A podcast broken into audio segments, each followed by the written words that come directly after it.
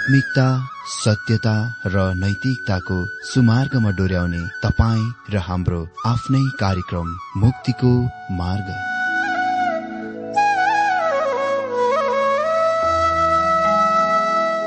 आदरणीय श्रोता यस मुक्तिको मार्ग कार्यक्रममा हार्दिक स्वागत छ। आशा छ यस आत्मिक कार्यक्रमद्वारा जीवनमा आत्मिक आशिष अलौकिक शान्ति र आनन्द प्राप्त गर्नुहुनेछ। र जीवनमा धन्य अनुभव गर्नुहुनेछ। आउनुहोस् श्रोता।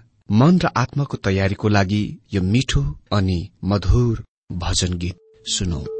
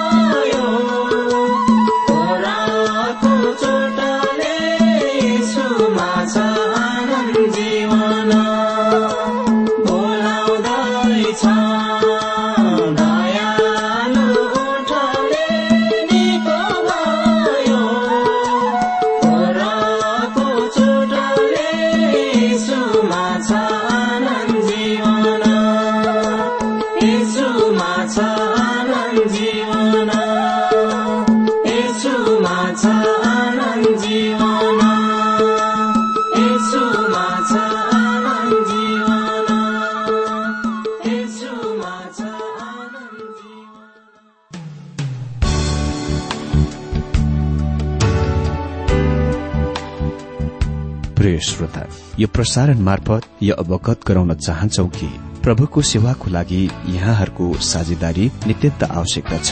यहाँहरूले प्रार्थनाको साथसाथै आर्थिक सहायता गर्न अनुरोध गर्दछौ। तपाईँहरूको सानो भन्दा सानो भेटी किन नहोस्? हामी प्रभुको नाममा स्वीकार गर्नेछौ। प्रभुको सेवाको लागि तपाईँहरूको यो सानो लगानीले कसैको जीवनमा भिन्नता ल्याउँछ? अनि प्रभुको महिमा हुन्छ। प्रभु तपाईँहरूलाई महान गरी आशिष दिनुहुनेछ। इच्छुक श्रोताहरूले तपाईँको इच्छा भेटी हाम्रो ठेगानामा पठाउन सक्नुहुन्छ जुन ठेगाना हामी कार्यक्रमको अन्तमा दिनेछौं। प्रिय श्रोता मित्र प्रभु येशु ख्रिष्टको मधुर अनि सामर्थ्यनामा मेरो जयमसी तथा हार्दिक स्वागत छ आजको यो बाइबल अध्ययन कार्यक्रममा। श्रोता पवित्र धर्मशास्त्र बाइबलको क्रमबद्ध र श्रृंखलाबद्ध अध्ययनको क्रममा अघिल्लो कार्यक्रममा हामीले बाइबल अध्ययन आमोस चार अध्यायको मुख्य विषय भूतमा अर्थात अतीतमा अधर्मको लागि इसरायललाई दण्ड दिइयो भन्ने शीर्षकबाट अध्ययन गरिरहेका थियौं। आज हामी यही विषयलाई निरन्तर जारी राख्नेछौ र आज हाम्रो बाइबल अध्ययनको खण्डको लागि शास्त्र हामी हेर्नेछौ आमोस चार अध्यय सातदेखि तेह्र पदसम्म। अहिले आमोस इसरायलीहरूलाई याद दिलाउँदछन्। हजुर आमोस चार अध्ययको छ पदमा लेखिएको छ मैले हरेक सहरहरूमा तिमीहरूलाई रित्तो पेट र हरेक नगरमा रोटीको अभाव पारिदिए। तापनि तिमीहरू मतिर फर्केर आएका छैनौ। परम प्रभु भन्नुहुन्छ परमेश्वरले तिनीहरूलाई अनिकाल पठाउनु भएर दण्ड दिनुभयो। तिनीहरूसँग खान केही कुरा थिएन। तर यसले तिनीहरूका आत्मिक अवस्थाको जागृत गरेन। लेखेको छ तापनि तिमीहरू फर्केर मतिर आएनौ। परमप्रभु भन्नुहुन्छ यसले तिनीहरूमा कुनै पनि प्रकारको प्रभाव र असर पारेन। अनि सात र आठ पदमा लेखेको छ कटनी गर्ने समय अझै अरू तीन महिना बाँकी रहँदै मैले तिमीहरूबाट वर्षा रोके। मैले एउटा नगरमा वर्षाको पानी पठाइदिए तर अर्कोमा पठाइन एउटा खेतमा पानी पर्यो अर्कोमा केही पनि परेन र त्यो सुक्यो। मानिसहरू नगर नगर हुँदो पानीको लागि धर्मरिँदै हिँडे तर पिउनलाई यथेष्ट पाएनन्। तापनि तिमीहरू मतिर फर्केका छैनौ। परमप्रभु भन्नुहुन्छ श्रोता त्यसपछि परमेश्वरले त्यहाँ खडेरी पनि पठाउनु भयो परमेश्वर नै त्यो जन हुनुहुन्छ जसले वर्षालाई नियन्त्रण गर्नुहुन्छ। कटनी गर्ने समयको तीन महिना पहिले उहाँले वर्षा रोकिदिनुभयो। जुन विनाशक वा विपदग्रस्त थियो। अनि यो कुराको नोट गर्नुहोस् ध्यान दिनुहोस् परमेश्वरले एक स्थानमा वर्षा पठाउनुभयो र अर्को स्थानमा चाहिँ वर्ष वर्षाउनु भएन। परमेश्वरले यो तिनीहरूलाई यो कुराको देखाउनलाई गर्नुभयो वर्षा कुनै दैव संयोग वा आकस्मिकता थिएन। मित्र तर उहाँका सर्वभाव सत्ता इच्छाद्वारा थियो। खडेरी त्यति धेरै गम्भीर थियो एक सहरबाटका मानिस अर्को सहरमा गए जहाँ त्यहाँ पानी पाउँदथ्यो। र तिनीहरूले जगमा भाँडामा गाग्रो घैँटोमा त्यहाँबाट अलिकति पानी ल्याउँदथे। त्यहाँ पिउने पानीको बिल्कुल अभाव कमी थियो। यसले तिनीहरूलाई परमेश्वरका फर्काउनु पर्ने थियो। तैपनि तिनीहरू मतिर फर्केनौ। यहाँ परमप्रभु भन्नुहुन्छ। दुई वर्ष पहिले भारतको धेरै स्थानहरू विशेष गरेर राजस्थान भयंकर खडेरीले ग्रस्त भएको थियो। र त्यहाँ खेती गर्ने त के पिउने पानी समेत पाउन कठिन भयो। त्यस खडेरीले राजस्थानको धेरै क्षेत्रको प्रहार गरेको थियो।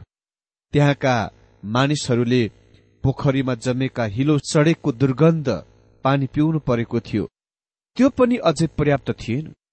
अनि त्यस्तो पानी पाउनको लागि पनि तिनीहरू अर्को स्थानमा घण्टौं यात्रा गरेर भरेर ल्याउनु परेको थियो। त्यो भयानक कुरा थियो। अनि त्यही नै कुरा आमोसको दिनहरूमा मानिसहरूले गरिरहेका थिए। त्यो परमेश्वरबाट चेताउने थियो। तर ती इसरायलीहरूले यसमा कुनै ध्यान र वास्ता दिएनन्। नौ पदमा लेखिएको छ मैले धेरै पल्ट तिमीहरूका बगैँचा र तिमीहरूका दागबारीमा रोग र ढुसीद्वारा प्रहार गरे। तिमीहरूका नेभारा र भद्राक्षका रूखहरूलाई सलाहहरूले सखाप पारे।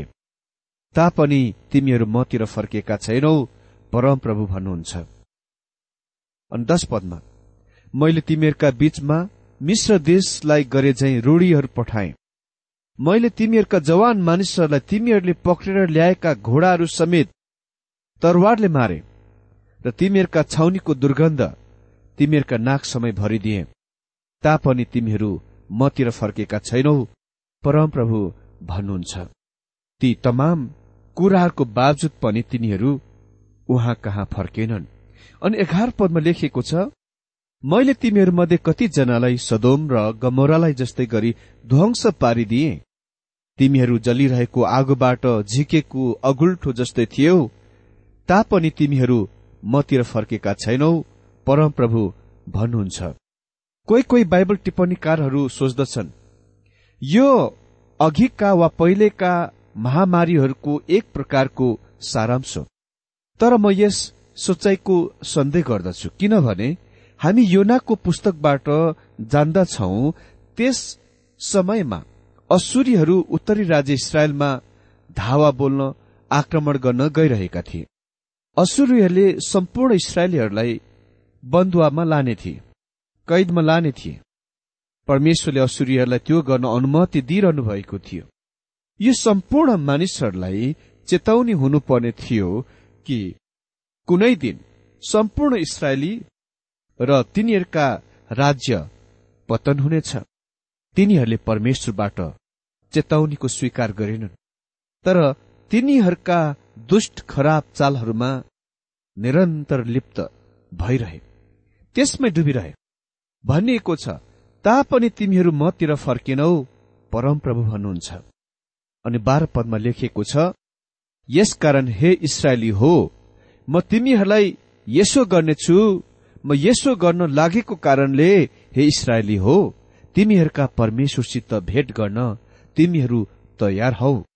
परमेश्वर तिनीहरूलाई यहाँ भन्नुहुन्न कि उहाँ के गर्न गइरहनु भएको छ? उहाँले खालि यही भन्नुहुन्छ म तिमीहरूसित यसो गर्नेछु। किनभने म यसो गर्ने नै छु। यो आश्चर्य वा अचानक आउने कुरा हुन गइरहेको छ। अहिले हामी यो थाहा पाउँछौ कि असुरीहरू तिनीहरूमाथि एक्कासी वा आकाशमा आक्रमण गरी तिनीहरूलाई कैद वा बन्दुवामा लिएर गए। अर्को शब्दमा इसरायलका मानिसले कति पनि परमेश्वरलाई विश्वास गरेनन् र उहाँ कहाँ फर्किआएनन्। परमेश्वर असुरी कैद वा बन्दुवाको दण्डदेखि पनि अझ टाढा अगाडितिर जानुहुन्छ। उहाँ भन्नुहुन्छ हे इसरायली हो तिमीहरूका परमेश्वरसित भेट गर्न तिमीहरू तयार भइरह। जब असुरीहरू तल इसरायलमा आए। तिनीहरूले सबै मानिसहरूलाई कैद वा बन्दुवामा लगेनन्। तिनीहरू धेरैलाई मारिए। यसको तात्पर्य हो तिनीहरूले मृत्युमा परमेश्वरलाई भेट्ने थिए। त्यो नै कुनै त्यस्तो कुरो हो जुनको प्रत्येक व्यक्ति विशेषले एक दिन भेट्नै पर्छ। तिमीहरूका परमेश्वरसित भेट गर्न तिमीहरू तयार भइरह। हे इसरायलीहरू हो यो नै सन्देश आज पनि प्रत्येक व्यक्ति विशेषको निम्ति दिइएको छ। मेरो साथीको जीवनमा पापको कारण परमेश्वरले उससँग अति नै निश्चित तरिकामा व्यवहार गर्नुभएको छ। उसले मलाई त्यो कथाको बताए कि कसरी परमेश्वरले उससँग व्यवहार गर्नुभयो। उसमाथि आएको दण्ड इन्साफ अति नै कठोर खालको थियो। यद्यपि सहन योग्य भए तापनि जब मैले यसको बारेमा उसलाई सहानुभूति दिइरहेको थिएँ। उसले मलाई भने साथी म माथि आएको दण्डले इन्साफले मलाई कति पनि तंग तकलिफ गरेको छैन। तर अझै एक दिन म उहाँको सामने खडा हुनुपर्नेछ अनि म धेरै भयभीत छु र काँप्दछु त्यसको लागि। त्यो सोचेर मैले उसलाई उत्तर दिएँ साथी तिमी जान्दछौ यो फुच्चे प्रचारक साथी पनि परमेश्वरको सामुने उभिन खडा हुन गइरहेका छन्। यदि म जस्तो छु त्यस्तै स्थितिमा उहाँको सामने उभिए म डरले मर्ने थिए। तर म उहाँको सामुने यो फुच्चे कमजोर प्रचारकको रूपमा उभिन गइरहेको छुइनँ। म ख्रिस्टमा छु अनि परमेश्वरले ख्रिस्टलाई हेर्न गइरहनु भएको छ। म प्रियमा ग्रहणयोग्य बनाइएको छु स्वीकारिएको छु। मेरो मित्रले उत्तर दिए हो बस त्यही मात्र। मैले जिएको यो जीवनको लागि मसँग सान्त्वना छ। श्रोता त्यो सन्देश तपाईँको लागि पनि हो। परमेश्वरसित भेट गर्न तयार हुनुहोस्। मानिलिउ यही क्षणमा तपाईँ परमेश्वरको उपस्थितिमा हुन जानुभए सम्भव दुवै तपाईँ र म केही समयपछि त्यहाँ हुन गइरहेका छौं। म तपाईँलाई निश्चय दिलाउँछु कि यहाँ पृथ्वीमा तपाईँको जीवनको लागि अति नै धेरै महत्वपूर्ण कुराहरू कति पनि त्यहाँ महत्वपूर्ण हुने छैनन्। पृथ्वीमा जीवन पूरा भइसकेको छ। तपाईँ यसबाट निस्कि आउनु भएको छ र तपाईँ परमेश्वरको उपस्थितिमा हुनुहुन्छ। तपाईँ परमेश्वरको सामुने कसरी उभिन्न गइरहनु भएको छ? याद राख्नुहोस्। तपाईँ र मसँग परमेश्वरलाई दिने कुनै कुरै छैन। साथीहरू हामी कंगाल छौं। हामी पाप र अधर्ममा मरेका थियौं। तपाईँ र म त्यहाँ खडा हुन सक्ने एउटै तरिका वा बाटो छ? हामी ख्रिस्टमा हुने कुरामा। रोमे चार अध्ययको पच्चिस पदमा हामी पढ्छौ उहाँ हाम्रा अपराधहरूको निम्ति सुम्पिनुभयो र हाम्रा धार्मिकताको निम्ति बौराइनुभयो ताकि तपाईँ र म उहाँको सामुने धार्मिकको रूपमा उभिन सकौं। हामी ख्रिस्टको धार्मिकतामा परमेश्वरको सामुने अगाडि उभिन्छौ। अहिले आमुस गाउँले प्रचारकले हामीलाई भन्ने छन् यो परमेश्वर को हुनुहुन्छ जसलाई हामी भेट गर्नेछौ? यो परमेश्वरको वचनमा अति नै एक महान कथन हो। लेखिएको छ तेह्र पदमा जसले पर्वतहरूको आकार बनाउँछ बतास सिर्जना गर्छ मानिसहरूलाई आफ्ना विचार प्रकट गर्छ प्रभातलाई अन्ध्यारो पार्छ र पृथ्वीका अग्ला अग्ला ठाउँहरूमा हिँड्छ। सर्वशक्तिमान परमप्रभु परमेश्वर उहाँको नाउँ नै हो। आमोसले उहाँलाई सर्वशक्तिमान सर्वव्यापी र सर्वज्ञानी परमेश्वरको रूपमा प्रस्तुत गर्छन् पेश गर्दछन्।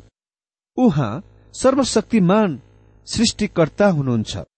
उहाँसँग सम्पूर्ण शक्ति छ। उहाँले नै पहाड़ पर्वतहरू बनाउनुभयो र हावा बतासको सृष्टि गर्नुभयो।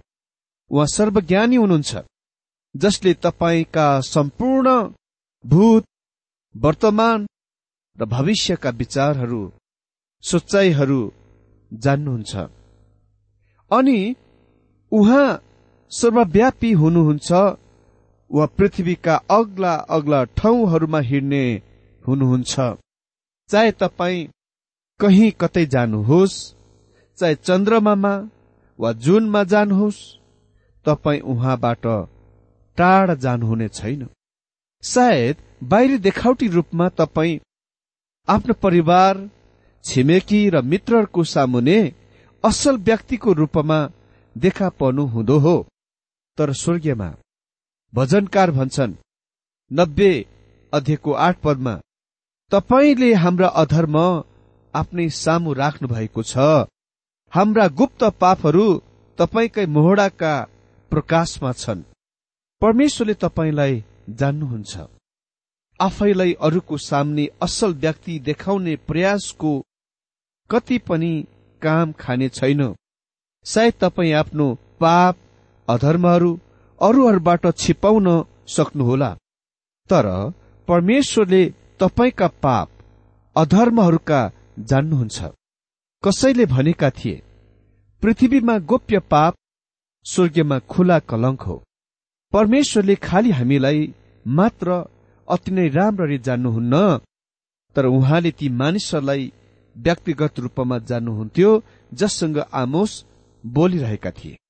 भावनाको प्रचण्डतासँग आमोस तिनीहरूलाई आग्रह गरे हे इसरायलीहरू हो तिमीहरूका परमेश्वरसित भेट गर्न तिमीहरू तयार भइरह। अनि आज परमेश्वरको वचनले तपाईँ र मलाई पनि यही भन्दछ। हे विश्वासीहरू हो हे ख्रिस्टियनहरू हो हे प्रभुका जनहरू हो तिमीहरूका परमेश्वरसित भेट गर्न तिमीहरू तयार भइरह।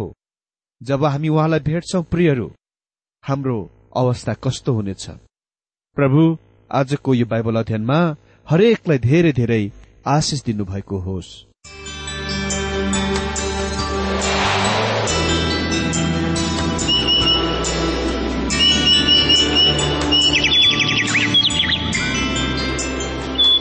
प्रिय श्रोता अहिले भर्खरै तपाईँले टीडब्ल्यूआर नेपालद्वारा सञ्चालित आत्मिक कार्यक्रम मुक्तिको मार्ग सुनिरहनु भएको थियो। श्रोता आजको यो कार्यक्रम सुनेर तपाईँलाई कस्तो लाग्यो? यदि यो कार्यक्रम सुनेर मनमा कुनै खुल्दुली वा कुनै प्रतिक्रिया अर्थात सुझावहरू छन् भने हामीलाई पत्रद्वारा लेख्न सक्नुहुनेछ। हामी हृदयदेखि नै स्वागत गर्नेछौ स्वीकार गर्नेछौ साथै बाइबल सम्बन्धित प्रचारहरू कार्यक्रम सारणीहरू हामी अनुरोधमा पठाउन सक्छौ। अनि तपाईँसँग कुनै प्रार्थनाको विषय छन् भने हामीले तपाईँको लागि प्रार्थना गरेको चाहनुहुन्छ। चाहनुहुन्छ भने प्रभुमा आफ्नै परिवार सम्झेर हामीलाई पत्रमा लेख्न सक्नुहुनेछ। तपाईँको लागि हामी प्रभु येशुसँग प्रार्थना गर्नेछौ। अधिक जानकारी र पत्रचारको लागि हाम्रो ठेगाना यस प्रकार छ। कार्यक्रम मुक्तिको मार्ग जीपीओ नम्बर उनानब्बे पचहत्तर इपिसी पच्चिस एकसठी काठमाडौँ। ठेगाना एकपल्ट सुन्नुहोला कार्यक्रम मुक्तिको मार्ग जीपीओ नम्बर उनानब्बे पचहत्तर इपिसी पच्चिस एकसठी काठमाडौँ। हाम्रो इमेल एड्रेस हो T W R Nepal at Yahoo dot com साथै यस नम्बरमा एसएमएस गर्न सक्नु सक्नुहुनेछ अन्ठानब्बे चार सत्तरी पैतिस छ सय उनासी नौ आठ चार सात जिरो तीन पाँच छ सात नौ। हुन्छ श्रोता आजलाई हामी विदा चाहन्छौ। अर्को कार्यक्रममा हामी पुनः भेट्नेछौ तबसम्मलाई नमस्कार।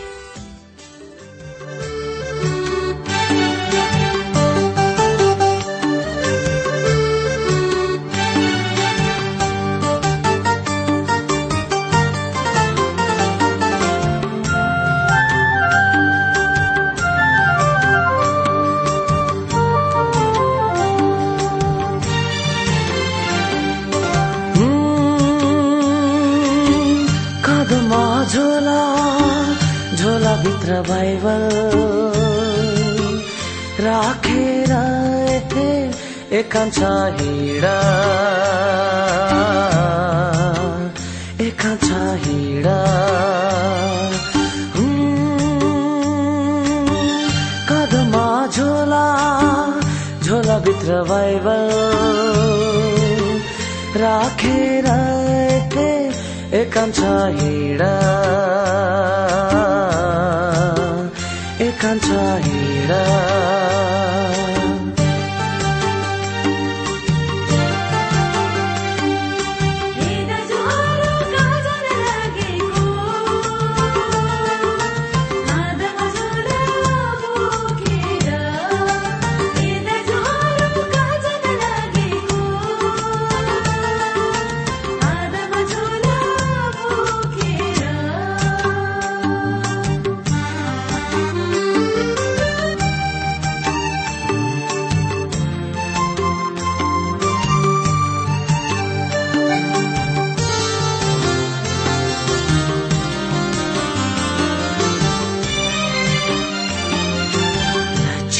हाम्रो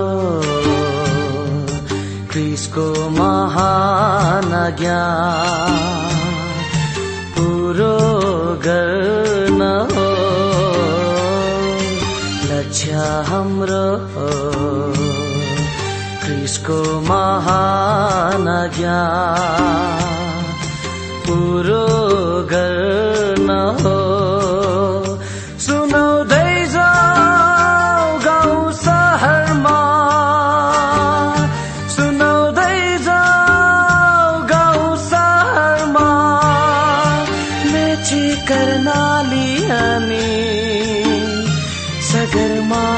समय। छ हिँडा कदमा झोला झोलाभित्र बाइबल। राखेर एकान्छ हिँडा एकान्छ हिँडा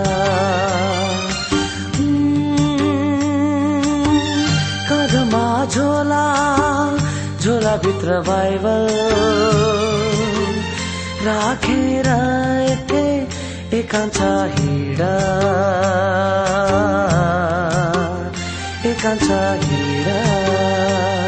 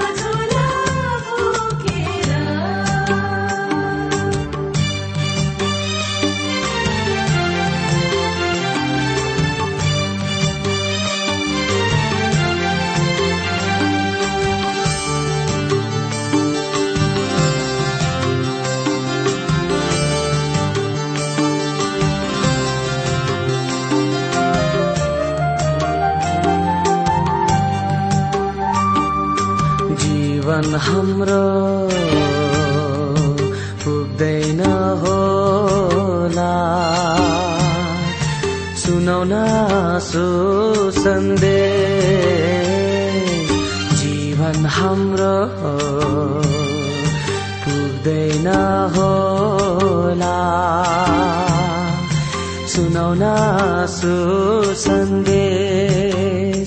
बाँकी जीवन लगाइदेऊ क्रिसमा। बाँकी जीवन लगाइदेऊ क्रिसमा। कुन बेला कुन ठाउँमा उठाइ लाने होला जीवन।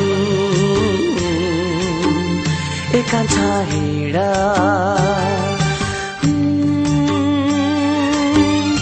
कदमा झोला झोला भित्र बाइबल। राखेर एकांश हिँडा। एकांश हिँडा। कदमा झोला झोला भित्र बाइबल। राखेर एकांश हिँडा एकांश हिँडा